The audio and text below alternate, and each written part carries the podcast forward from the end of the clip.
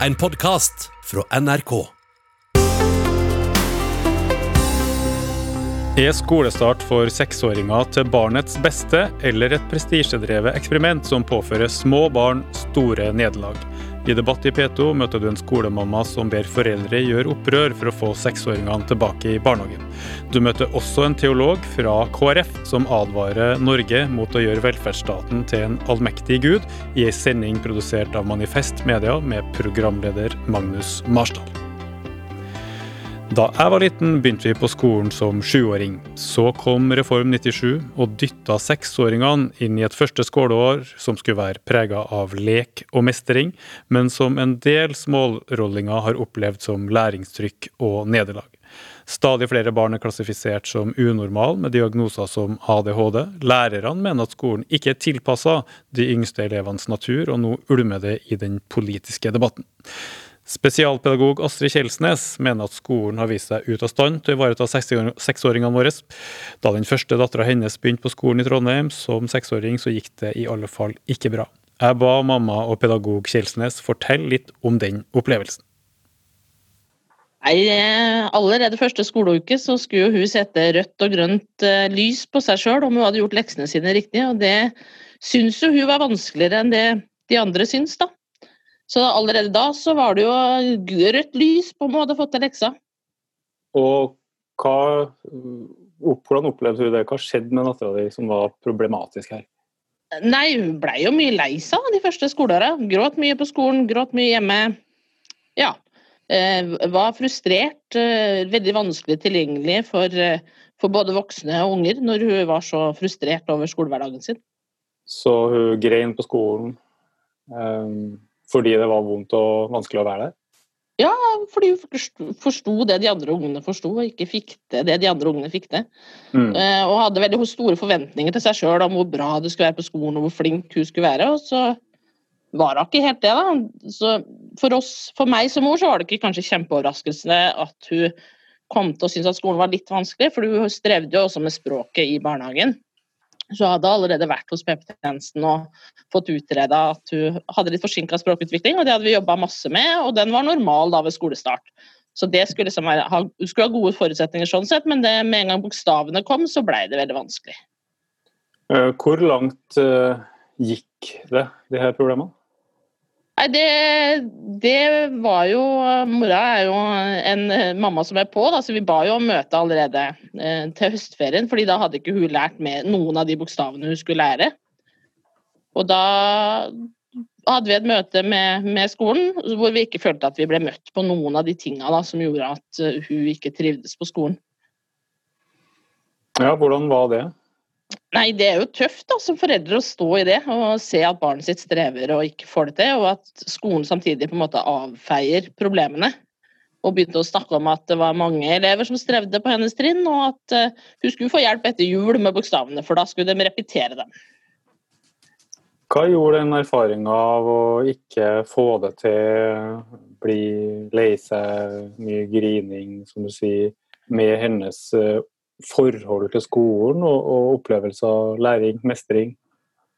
Uh, uh, jeg, altså, mora ble jo sint, hun ble jo lei seg, og det førte også til at hun hadde uh, i lengre perioder sånn stor angstproblematikk. da. Mm. Rett og slett fikk angstanfall og, og, gikk rundt og var redd og sint på seg sjøl for at hun ikke fikk det til, og, og at hun var mye alene i friminutta fordi at hun trengte å ta pause fra skolen.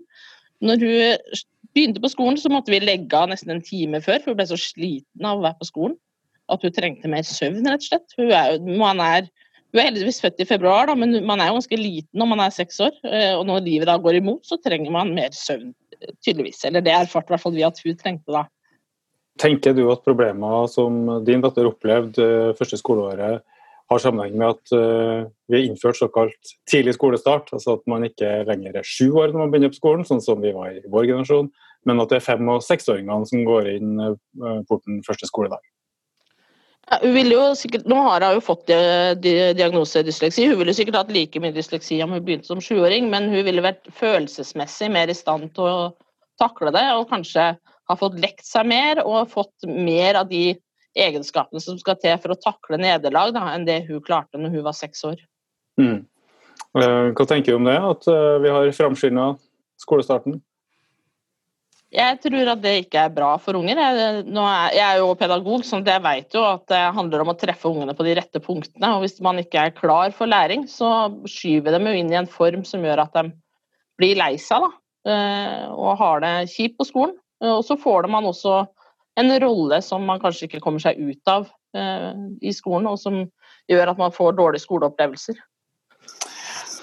Vi snakker om såkalt tidlig skolestart her i Debatt i P2 i dag. og Et tema mange snakker om nå for tida er jo ADHD, en diagnose som har økt veldig kraftig blant barn og unge de siste 15 årene. Og det er også sånn at Gutter som er født sent på året, sånn at de er mindre når de begynner på skolen, faktisk har 40% større risiko for å havne på ADHD-medisin enn gutter født tidlig på året. Og Astrid Kjelsnes, hva tror du om det har den statistikken sammenheng med at vi sender fem- og seksåringene inn i skolen? Absolutt. Jeg har jo sett det som pedagog også, at det er mange som ikke takler det. Jenter blir, jentene blir jo sint på seg sjøl og blir lei på psykisk eh, trøbbel, og guttene får kanskje det atferdsuttrykket. Men jeg har jo òg opplevd med min datter at det ble foreslått at hun hadde ADHD når hun ikke klarte å å regulere følelsene sine og ikke klarte å styre over følelsene sine på skolen, så var, så var det først foreslått ADHD, og så også at hun skulle ha, være på autismespekteret. Fordi at hun ikke strevde med å, med å styre følelsene sine i vanskelige situasjoner. Det her er jo egentlig ganske alvorlig for den enkelte og for familiene. Hvis det er sånn at eh, barn som tidligere var en, en normal, litt hyperaktiv kanskje guttunge, nå blir definert som et problem for omgivelsene og, og gitt en diagnose. Eh, hva tenker du som mor eh, og som pedagog om det problemet? Jeg, personlig så ble jeg veldig sint på vegne av dattera mi når det skjedde med oss. Eh, og jeg ba jo om at vi utreda alt sammen. Eh, og at vi i tillegg utreda for dysleksi, men det ville ikke skolen høre snakk om, det siste. Men de andre utredningene fikk vi jo da etter eh, litt fram og tilbake. Og det viser seg at hun hadde jo verken ADHD eller autismespekter. Og vi ville jo vært like glad i hun uansett hvordan hun var skrudd sammen.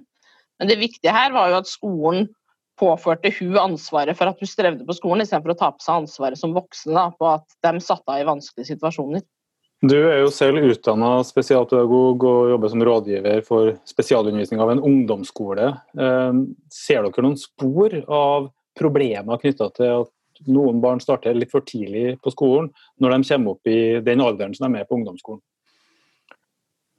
Absolutt. Vi har jo unger som selv sier at, eller ungdommer da, som sjøl sier at 'jeg fikk den rollen på barneskolen'. Eh, jeg har en eh, elev som, eh, som sa til meg at når jeg gikk på barneskolen, så var jeg kjempedårlig på skolen. Men nå når jeg har begynt på ungdomsskolen, så, så er jeg blitt mye bedre på skolen. Og det handler om at det er elever som har blitt møtt med at de er dum og i veien og problemer for systemet. og det tror jeg handler om at mange elever ikke er modne nok til å begynne på skolen når de begynner, og så kommer du inn i en negativ rolle som er vanskelig å komme ut av, som man trenger hjelp av voksne for å komme ut av. Og så viser jo forskning også fra NTNU at elever er ensomme. Allerede fra første klasse så er elever ensomme. De har ikke venner, og de har dårlige relasjoner til lærerne sine. Og Astrid, Jeg leste en undersøkelse blant lærere der 84% av dem som jobber på førstetrinnet, sier at skoledagen for de yngste ungene er blitt for teoretisk, at læreplanene ikke gir dem nok tid til å leke og fysisk eh, aktivitet. Altså 84% av dem som møter ungene hver dag, mener at den skolen ikke er eh, som den skal være, og kanskje ikke er bra for dem. Det, hvor betryggende er det for oss som foresatte? Jeg tenker jo at det er grunn til å gjøre opprør da, og si at vi vil ha ungene våre tilbake i barnehagen, hvor lek er det viktigste fokuset. Eh, nå har vi jo hatt fagfornyelsen, der er det noe mer lek i, i eh, læreplanmåla, men, men, det skal gjennomføres av folk som først og fremst sånn har en utdannelse som gjør at de skal lære elevene fag. Eh, så Det er jo en kritikk til mine egne og til, til meg sjøl, men det er også sånn at barnehagen er flinkere med lek. Og flinkere til å få ungene til å fungere i leken, og det syns jeg vi skal ta vare på. Så jeg syns at foreldre bør gjøre opprør og si at vi vil ha ungene tilbake i barnehagen. Vi skal straks eh, videre til en professor som har forska på konsekvensene av reformen som brakte seksåringene inn i skolen, her i Debatt i P2.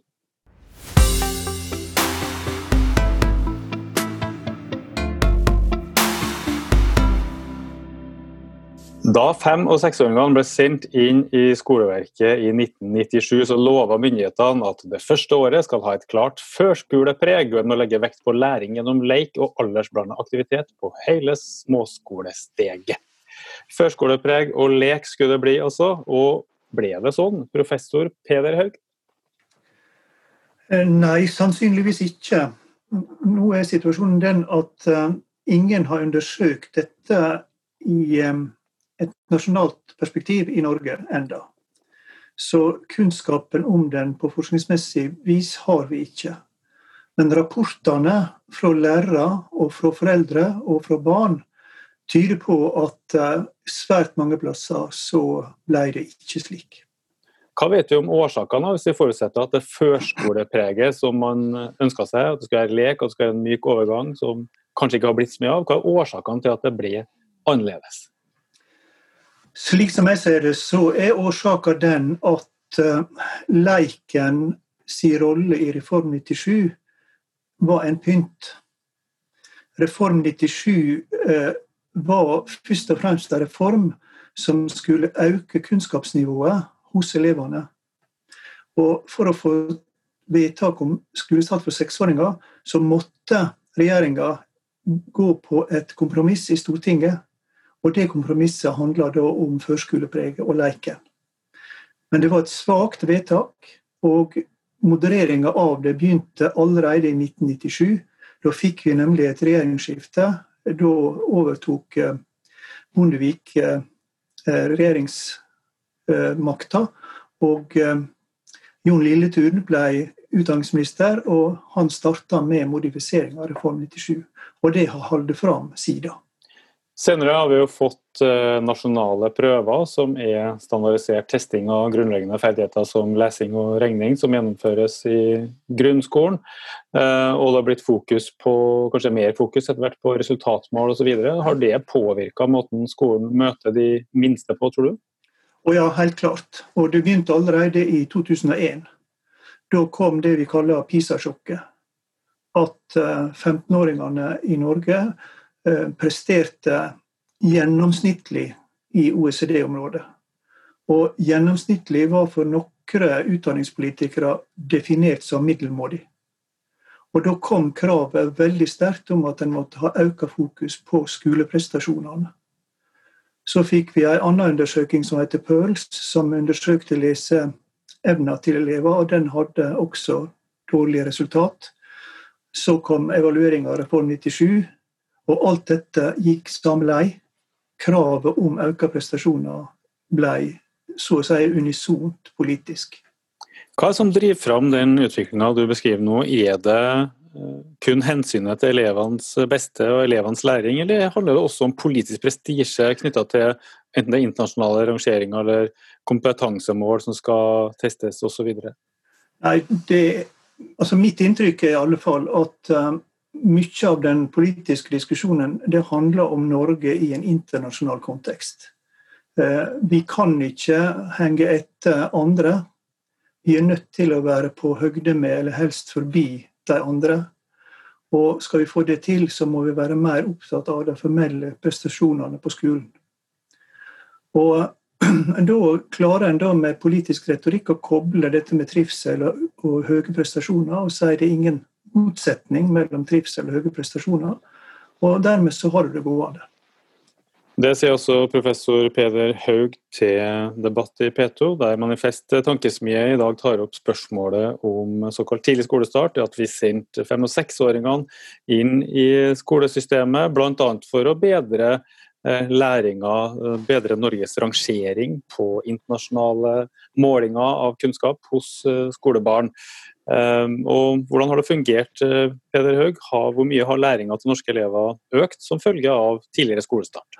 Det er et veldig interessant spørsmål. Svaret er ingenting. Og De målene vi har, er først og fremst de internasjonale undersøkelsene eh, PISA og TIMS. Og De viser at vi nå har kommet på høgde med det vi var eh, på seint 90-tall. Så vi har ikke kommet noe lenger enn vi var da vi innførte senkealder for skolestart. så har det kanskje hatt en kostnad på den andre sida for i hvert fall de elevene som ikke er moden for såkalt læringstrykk i en alder av fem eller seks, som ikke mestrer, sånn som vi tidligere hørte en mor fortelle om da hennes eh, første datter begynte i skolen, at det ikke gikk bra i det hele tatt eh, for hun. Som forsker Per Høeg, har du også vært opptatt av forholdene for de elevene som strever, som ikke er ferdig tilpassa den dagen de går inn eh, skoleporten. Hvilken betydning har den utviklinga vi snakker om nå de siste 20 årene hatt for den gruppa med elever? Altså, å starte skolen med å møte nederlag, det må være det aller, aller verste for et barn å møte på.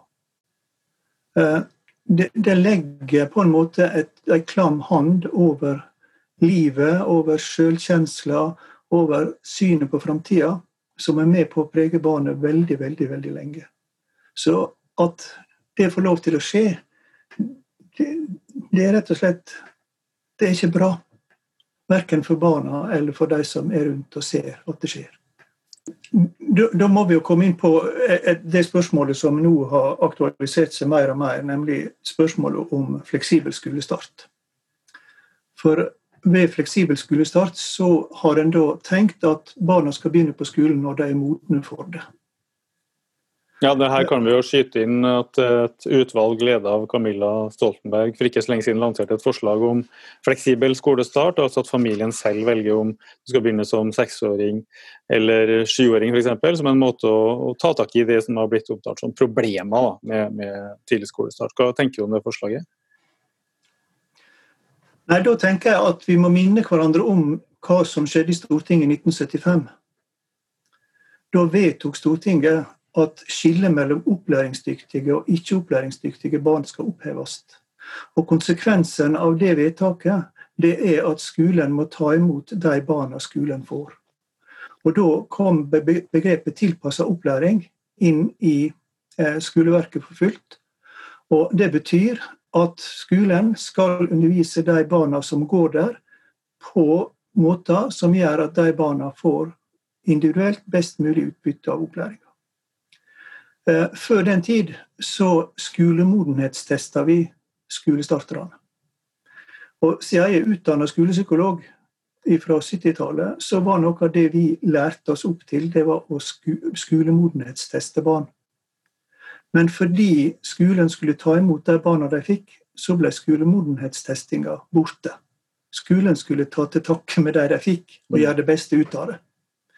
Når en nå vil ha fleksibel skolestart, så gjeninnfører en på en måte skolemodenhetsbegrepet. Med alle de konsekvensene det får.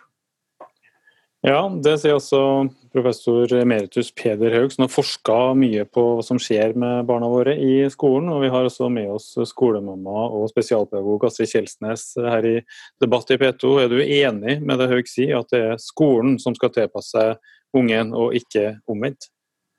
Absolutt enig i at det er skolen som må tilpasse seg ungene. Og det å ha en inkluderende praksis betyr at det er viktig at de begynner samtidig eh, på skolen, sånn at alle kjenner at de er en del av et årskull og en del av, en del av det fellesskapet som alle skal være en del av. Jeg tror det er bedre at alle begynner et år seinere, enn at noen eh, får lov til å velge bort det å begynne samtidig som jevnaldringene.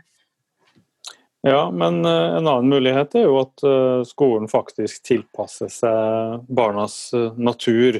Og når 84% av lærerne til de minste elevene mener at dagens skole ikke er godt tilpassa ungene, flere partier begynner å kreve det førskolepreget som vi ble lova da tidlig skolestart ble innført i sin tid, er det ikke en mulighet at skolen nå faktisk får til å tilpasse seg, sånn at færre fem- og seksåringer vil oppleve en vond start på skolen, som, som din familie har vært vitne til at kan bli tilfellet sånn som systemet i dag?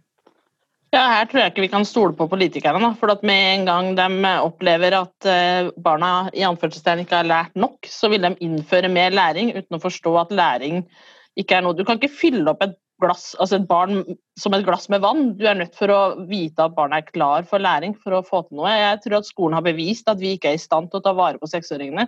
Og jeg tror barnehagen er riktig sted for seksåringene å være. Hva tenker du, Peder Haug? Kan skolen tilpasse seg bedre, eller må vi bare sende seksåringene tilbake der de kom fra? Det er ingen tvil om at eh, barnehagen er best på å drive barnehage. og best på å drive med leik. Det, det har skolen aldri fått til. Eh, jeg skulle ønske at skolen kunne være i stand til å drive med en langt mer barneorientert eh, undervisning. Og jeg har tenkt at det å gå tilbake igjen med denne reforma, det har så mange andre kostnader ved seg som gjør at hele feltet blir veldig usikkert. Så mitt primære ønske er at den første klassen som vi nå har, skulle forandre seg. Men hvis det er umulig, så er sannsynligvis barnehagen plassen.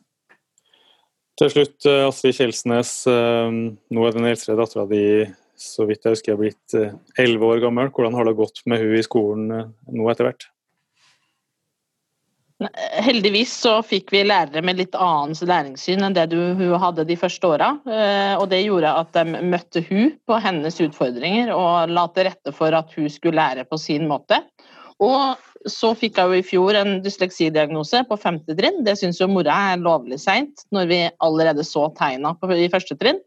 Men, eh, men, det går i hvert fall veldig mye bedre, og hun har det veldig mye bedre på skolen. Det går bedre sosialt, hun lærer masse, er blitt en av de flinkeste i klassen i matematikk. Så det går veldig bra.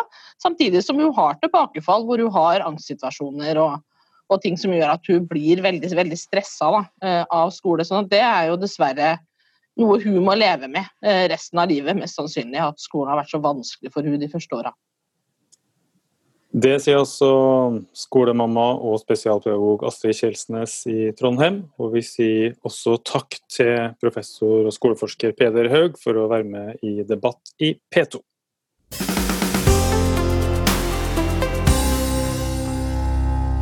Dagens debatt i P2 er produsert av venstresidas tankesmie Manifest, og vi har invitert en politiker fra Kristelig Folkeparti til å snakke om de minste som vi sender inn i skoleverket. Erik Lunde, hva syns du om det vi fikk hørt fra en skolemamma i Trondheim her nå nettopp? Eh, det gjør inntrykk på meg å høre den uh, historien. Uh, samtidig er det ikke første gangen jeg hører sånne historier. Og jeg har sjøl en seksåring som begynte på skolen i høst. Eh, så eh, denne virkeligheten som beskrives av eh, denne moren her, den har jeg hørt mange ganger før. Og kjenner også personlig på kroppen. Fordi det er helt åpenbart at første klasse på mange måter ikke klarer å ta imot alle barn på en god måte.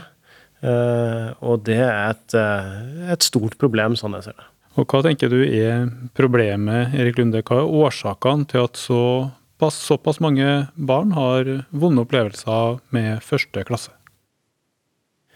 Det er jo sånn at de som begynner eh, i første klasse er svært unge. Altså det er femåringer, mange av de som begynner.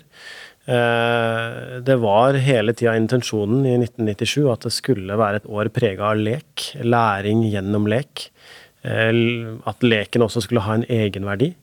Eh, og så møter eh, førsteklassingene en litt annen hverdag enn det i dagens skole. Og vi får jo veldig mange tilbakemeldinger på at for noen er det for tidlig å begynne med den form for undervisning som de får. Ja, Hva snakker vi om da, hvis det ikke er lek og alt det her? Hva gjør vi med smårollingene? Nei, at man møter mer tradisjonell klasseromsundervisning, eh, som noen ikke er klar for. Og når man ikke er klar for det, eh, og ikke mestrer det, eh, så opplever de jo et nederlag. Det er noe som vi tror, iallfall basert på de tilbakemeldingene vi får, at et alvorlig problem mot målet om sosial likhet i skolen. Fordi det gjør at noen opplever seg utenfor fra starten av. Eh, og, eh, og eh, en del av det som denne moren også tar opp, altså dette rundt diagnoser og den type ting, altså hvordan man setter en diagnose på en del av disse reaksjonene som kanskje er ganske naturlige for små barn. Jeg forstår veldig godt at, at folk mener at man bør gjøre opprør mot dette. Snakker vi her om å innsnevre normalitetsbegrepet, altså definisjonen av hva som er en normal unge? Ja, jeg tror det. Eh, at eh, det er noen barn som hadde hatt godt av et eh, år til hvor, de, hvor hverdagen deres kunne vært dominert av lek. Hvor de kunne utforska og lært på en annen måte enn det man har muligheten til i et klasserom. Og jeg skulle ønske at vi kunne få en ordentlig grundig evaluering. Får, det er jo en del av dette som blir litt anekdotisk også, fordi det er fortellinger fra lærere, det er fortellinger fra foreldre. Men det er så massivt, og det er så mange som sier det samme, at for meg er det god nok grunn til å se på dette. Men, men det er jo et problem også at vi ikke har dykka godt nok inn i konsekvensene av seksårsreformen. Hvilke reaksjoner har du møtt ut blant eh, velgere og vanlige folk når du har satt det problemet på dagsordenen? Ja, Da vi eh, foreslo å erstatte dagens førsteklasse med førs, en førskoleklasse, eh, prega i mye større grad av lek, så var responsen helt enorm. Jeg tror aldri jeg i mitt politiske liv har fått flere personlige henvendelser etter et forslag som da vi la fram akkurat det tiltaket. Eh, mange foreldre som sier at 'yes, dere har forstått hvordan det er'. Eh, mange lærere som sier det samme. Ja, dette, eh, dere har dere har forstått virkeligheten på bakken. Og ikke minst mange andre yrker, altså psykologer. Altså en, en, veldig sterk reaksjon på at ja, her treffer vi en nerve. Eh, og, eh, og men, men, dette er jo et engasjement som jeg tenker er mange deler.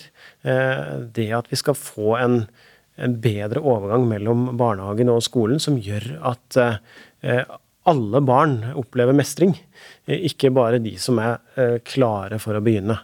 Margrethe, Margrethe Olins film for, for, noen år tilbake var jo også en kraftig vekker for veldig mange av oss som har et politisk engasjement rundt dette. Jeg aner jo her en uh, sak som ikke er særlig religiøs, som har bred appell, og som kan bidra til å løfte KrF over sperregrensa. Men da må jo dere levere noen løsninger også som fungerer. Og når du sier førskoleår, hva er det som skal forandres i praksis fra dagens eh, første klasse i barneskolen? Det må jo først og fremst være at hverdagen er mer preg av lek. At man lærer f.eks. med å være ute og leke. Eh, eh, dra på tur. Eh, leke i klasserommet, eh, eh, leke på skolen. Men jeg er jo den første til å innrømme at jeg er jo ikke den som kjenner dette best. Det finnes mange mange, mange som kjenner til hvordan man kunne, kunne gjøre dette på en bedre måte, mye bedre enn meg. Og jeg syns vi skal lytte til de, for de gir også politikerne mange gode råd som vi dessverre ikke har lytta veldig godt til. Så da har vi et element uh, få plass til lek. Er det andre ting som da må endres i, i barneskolen for å gi plass til det? Ja, vi uh, mener jo at uh, man bør vente med type Eh, testing og den type spørsmål også. Eh, Ingenting, ikke noe kartlegging i første klasse? Da. Nei, altså ikke annet enn at man må jo selvfølgelig i, i alle, På alle trinn av barnehage og skole så kartlegger jo man med å observere barna. Eh, men, det, men vi mener at det er ikke nødvendig med en sånn type eh, testing som vi ser i dag. Og så vil dere at foresatte skal kunne holde ungene mer hjem, eller skal vi ha fleksibel skolestart, eller skal familiene få mer enn de skulle ha sagt? Ja, vi, eh, vi, har jo for så vidt fleksibel skolestart som en litt sånn sekundærløsning løsning på dette. Vi ønsker jo primært en løsning som gjør at eh, med et førskoleår. Og så mener vi jo at akkurat som det er i dagens barnehage, at foreldrene har en større fleksibilitet til å se når barnet kanskje trenger et par dager fri. Eh, ikke for å reise på ferie eller til Syden eller den type ting, det er ikke det man snakker om. Men eh, et lite barn kan kanskje bli sliten. Eh, kan, man kan se at nå har det barnet ikke det så greit på skolen. Vi har anledning nå til å være noen dager hjemme med barnet. Det tenker vi er en fleksibilitet som hadde vært bra å ha også det første skoleåret, slik vi har det på barnehagen i dag. Ja, Så da blir skoleplikten litt slappere for førstetrinnet, men skal det være ubegrensa, eller skal det være et antall dager med lovlig fri uten søknad? Vi har ikke sagt noe om antall dager, men det er jo ikke Det er, det er klart at uh, det må man jo vurdere, naturligvis. Men, men, men, at det kan være en større grad av fleksibilitet der, uh, det, det tror vi på. Vi skal få inn en stemme til i debatten vi fra et uh, politisk parti på den andre sida av uh, spekteret, nemlig SV. Nestleder i uh, Sosialistisk Venstreparti, Kirsti Bergstø. Hva tenker du om KrFs kritikk av skolestarten for seksåringene? Det er en kritikk som jeg i veldig stor grad deler. Og jeg har jo leda SV sitt arbeid med å, å lage et nytt arbeidsprogram til til kommende eh, stortingsvalg. Eh, og eh, vi har jo også hatt lange diskusjoner rundt det her, fordi at vi er mange som er bekymra over hva er det skolen gjør med ungene våre. Hva er det den gjør med læringslyst, med trua på seg sjøl. Og det som er så slående, er jo hvor vidt uh, normalitetssyn vi har på ungene når de er veldig små. ikke sant? Da vet vi at noen går tidlig, noen prater tidlig, andre er, får det der etter hvert, og at alt er så innmari normalt i mange, mange år. Og plutselig så kommer man inn i skolen, og da skal alle passe inn. Og da, eh, da er det mange ikke, ikke, det går for. Så i, eh, i SV sitt, eh, sitt, forslag eh, så sier vi at vi, vi, skal ha en skole som ivaretar de minste ungene sine behov for både fysisk aktivitet og for fri lek og at det må være færre teoretiske læringsmål, og at man må avvikle testing fullstendig. Eh, og så eh, er vi nødt til å ha en ordentlig evaluering av seksårsreformen eh, og sørge for at det som en gang var intensjonene med den, det må innfris.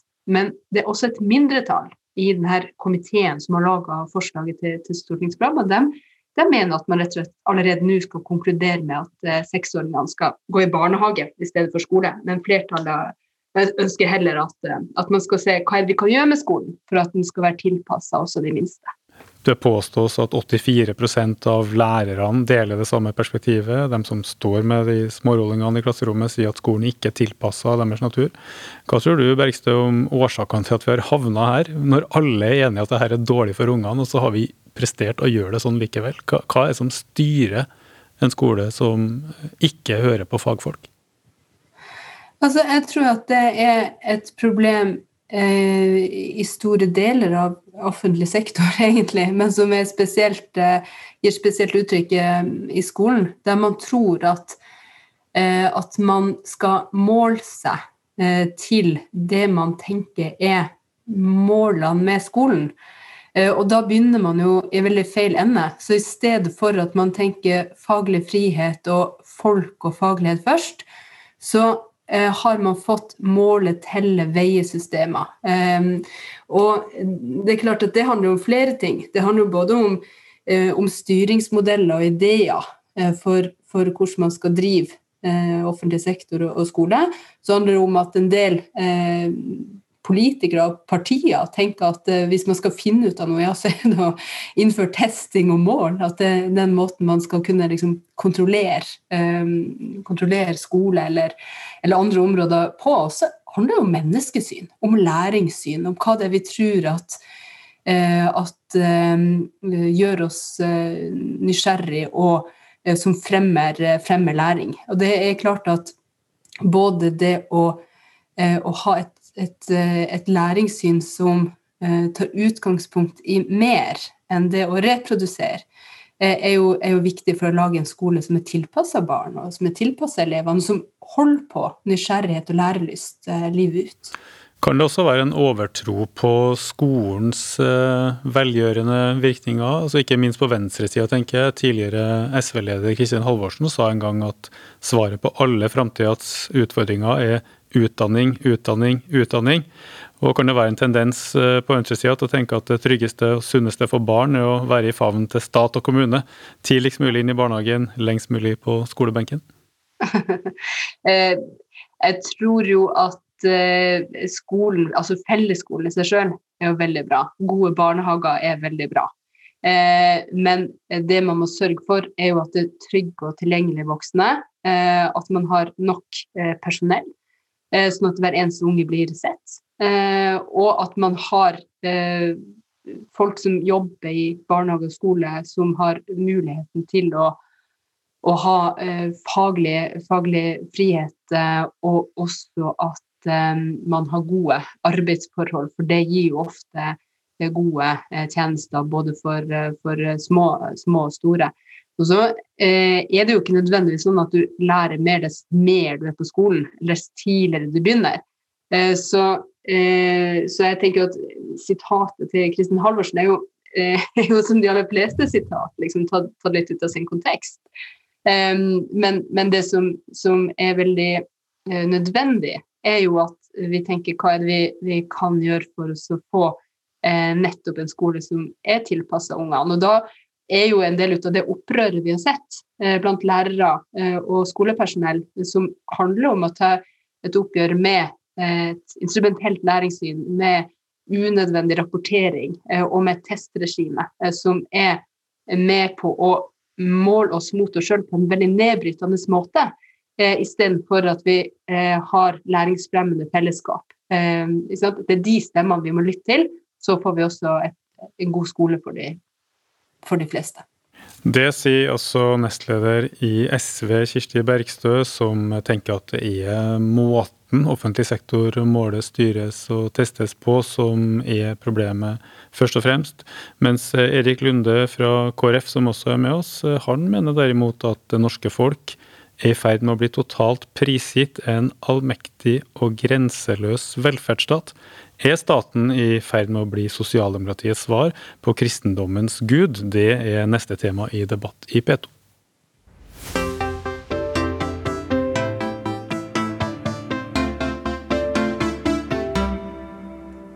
Erik Lunde, du er statssekretær for KrF, som vi har nevnt. Teolog, eh, utdanna ved Universitetet i Oslo, hvis noen lurte på det.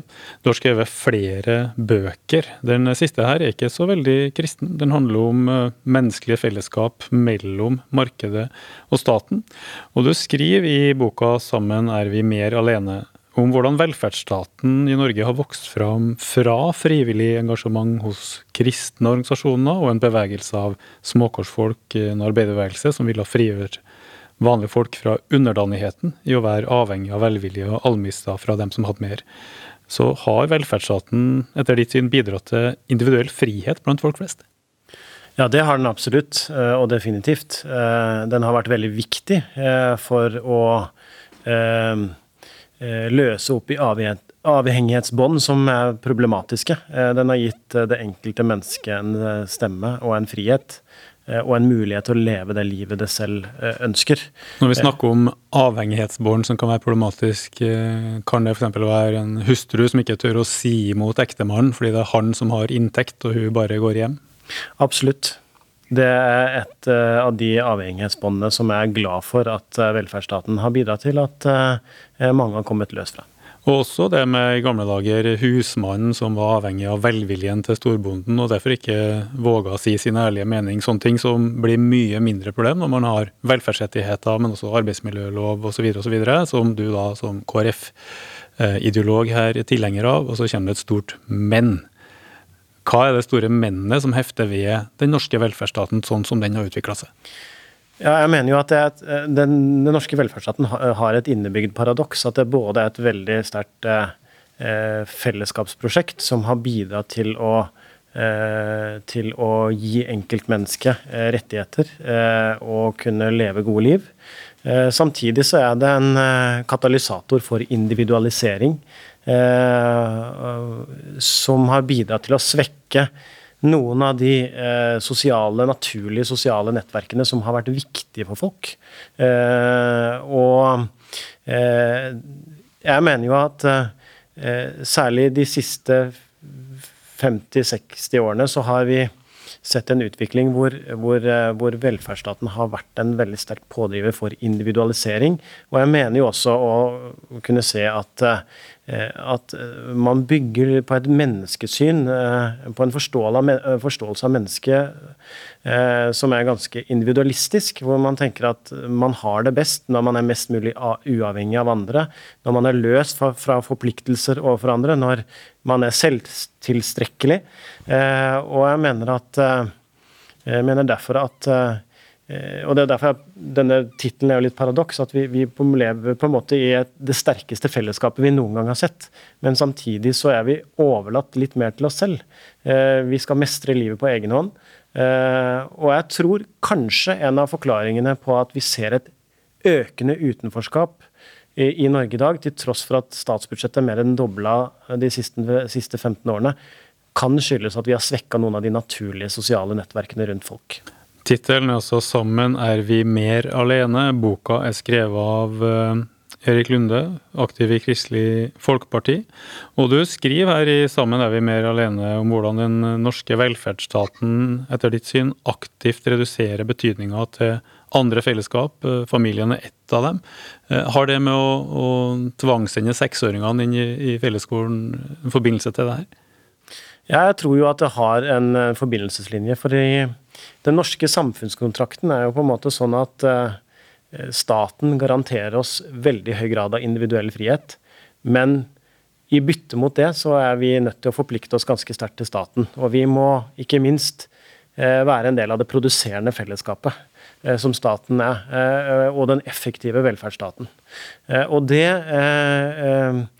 og denne samfunnskontrakten gjør jo at Eh, at det er vanskeligere eh, å ta verdivalg der vi sier f.eks. at ja, nei, kanskje er det ikke viktigst nå å score høyest på disse PISA-undersøkelsene. Nå er det kanskje andre hensyn som er viktigere.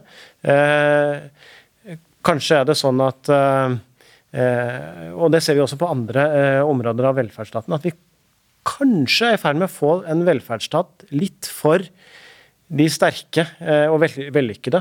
Eh, og litt på statens egne premisser. fordi velferdsstaten er veldig viktig for å sikre våre, våre rettigheter som innbyggere og enkeltmennesker. Men det er jo klart at staten har jo en egeninteresse her, eh, som vi kanskje ser et uttrykk for også i debatten om eh, seksåringene. Eh, eh, det var en som sa at søndag, sabbaten er til for mennesket. Eh, og jeg mener også at velferdsstaten er til for mennesket. Eh, og at vi, vi må våge også å, å, eh, å, stille noen spørsmål ved om, om, det er noen deler av velferdsstaten som gjør at vi, vi gjør at vi, vi overser det, noen grunnleggende behov hos mennesket, enten det er seksåringene eller den som har havna i utenforskap og som trenger det sosiale nettverket for å komme tilbake. Det sier forfatter og KrF-politiker Erik Lunde her i Debatt i P2, hvor vi også har med oss Kirsti Bergstø, nestleder i Sosialistisk Venstreparti. Og du Bergstø har jo stått fram som troende kristen, så du og Lunde fra KrF, så vidt jeg forstår, er nok begge skeptisk til at enkelte på høyresida ser på markedet som en slags allvitende gud som har ordna alt til det beste, men er det ikke også en fare for at sosialdemokratiet i stedet for gjør staten til gud? Um, nei, altså Sosialdemokrater må jo snakke for seg. Jeg tenker eh, for min del at uh, friheten den finnes i fellesskapet. Uh, og at nettopp uh, det å ha sterke fellesskap gjør, i form av en velferdsstat, gjør at vi kan eh, at vi kan stille opp for hverandre på en måte som vi ikke kan være for oss, eh, og, og hver, hver, enkelt av oss. Eh, og det handler jo om noe så grunnleggende som at eh, liksom muligheten til å leve fri og gode liv, den ligger eh, i fellesskapsløsningene. Det å, ha, det å kunne ta del i arbeidslivet. Skal du kunne gjøre det, så må du ha gode barnehager som du syns er greit at barnet ditt er i. Skal du Eh, ha en veldig verdig alderdom, må vi ha folketrygd. Skal vi kunne ha muligheter i, i, i, livet, så må vi ha en sterk fellesskole. At det handler om nettopp at det er de fellesskapsløsningene som gjør at vi faktisk også har muligheten til å ha gode eh, fellesskap utenfor det. Eh, fordi en avhengighet er jo ingen god eh, måte å eh, være sammen på. Eh, så det å, å, være avhengig av at dine barn tar deg av deg når du er syk eller, eller, eldre, eller at du er økonomisk avhengig av din, din mann, eh, er jo ikke eh, kjærlighetsfremmende måter å være sammen på. Mens det å kunne ha et regulert arbeidsliv det gjør jo at du får tid til dem du elsker etter jobb. Og det at man nettopp har Eh, fellesskapsløsninger gjør jo at vi, eh, at vi eh, alle blir ivaretatt. Og det trenger vi i ulike deler av livet, enten det handler om når vi blir syke eller, eller når vi er barn og trenger, trenger skolegang. Og, og, og, livet er jo en veldig fantastisk plass å være, men det er jo høyst uforutsigbart. Og derfor så er det jo helt avgjørende at vi har det trygge fellesskapet som eh, vi kan lene oss på om veien foran oss skulle, skulle rakne. Ja, men Erik Lunde, det finnes vel flere trygge fellesskap enn eh, stat og kommune? Ja, altså jeg, jeg, tenker for det første at jeg er enig i mye av det Bergstø her sier. Eh, fordi eh, det er helt grunnleggende for oss å ha denne tryggheten i bånn. Eh, og det er ingen som ønsker, oss, ønsker seg tilbake til en tid hvor, hvor, hvor, hvor mennesker var helt totalt prisgitt sine nærmeste fellesskap for å få omsorg og støtte og hjelp. Men men det finnes jo også andre fellesskap i vårt samfunn som kan eh, tilby eh, noe av dette. Og det er kanskje noen av disse fellesskapene som kan tilby noe annet enn det velferdsstaten kan. Som ikke velferdsstaten har mulighet eh, til å tilby. Og jeg tror jo at Spør du hvem som helst som jobber med f.eks. utenforskap blant ungdom, så, det, så sier veldig mange det disse ungdommene trenger for å komme inn i fellesskapet igjen, det er omsorg, det er støtte, det er kjærlighet. Eh, og det er eh, behov som først og fremst kan dekkes av eh, de nære fellesskapene, sosiale nettverkene. Men det betyr jo ikke at dette skal komme til erstatning for, for en velferdsstat. Den må ligge der. Men jeg skriver i boka mi om bygårdene på Torshov, som ble bygd på 1920-tallet. Hvor man bygde på en helt spesiell måte, med, med, hvor man sikra alle en skikkelig bolig, men bygde en stor bakgård eh, som la til rette for at folk kunne møte hverandre og få fellesskap. På en eller annen grunn så slutta vi å bygge boområdene våre sånn. Eh, man bygde heller funksjonistiske lameller i stedet, som i mye mindre grad la opp til fellesskap. Og jeg tror vel kanskje det der vi har kommet litt som samfunn også, at vi, vi starta ganske bra med velferdsstaten i samspill med disse sosiale nettverkene, men nå bygger vi i for liten grad eh, et samfunn som også spiller på lag med de sosiale nettverkene. Fordi det er ikke til å komme eh, altså Fakta er ganske tydelig i Norge. Er, vi er et av, landene, et av, de landene i verden hvor flest bor alene, og mange av de bor alene ufrivillig. Eh, ensomhet er et stort eh, sosialt problem, og utenforskapet vokser under ulike regjeringer. Selv om Eh, selv om vi har, klart, har dobla eh, statsbudsjettet de siste 15 årene. Men La oss dvelle litt ved fakta. Du skriver at en sterk velferdsstat står i fare for å føre til svakere frivillige fellesskap. Har du noen tall på Norge i forhold til andre land, f.eks. frivillighet, deltakelse i, frivillig deltakelse i velferdsstater som Norge, Sverige, den vil jo da være mindre enn i Italia. eller så Hvordan ligger vi an internasjonalt? Ja, altså Norge har en, en veldig god deltakelse i, i frivillighet eh, sammenligna med veldig mange andre land. Det er jo en del av vår kultur og vår dugnadskultur. Men vi ser jo at den også er under press. Eh, vi ser at frivilligheten har endra seg ganske kraftig. Eh, og at Uh, og at uh, det er vanskeligere å uh, få folk med på den mer, mer den traurige frivilligheten, og at det handler kanskje mer om selvrealisering enn del av den frivilligheten som skjer.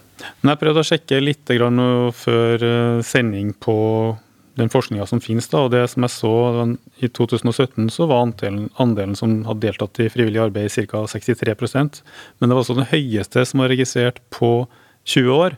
Og du sier jo også at eh, Norge har en veldig høy frivillighet, altså at folk engasjerer seg og deltar, sammenligna med andre land. Så hvordan passer fakta med din teori, som nemlig at velferdsstaten fortrenger frivillige fellesskap?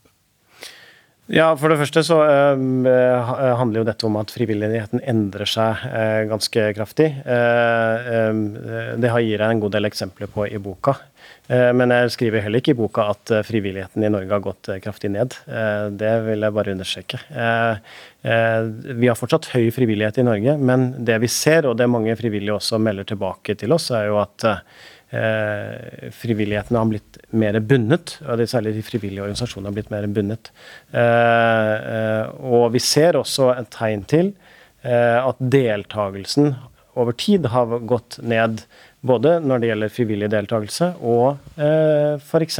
i lokaldemokrati og den type indikatorer som sier noe om samfunnets sosiale kapital.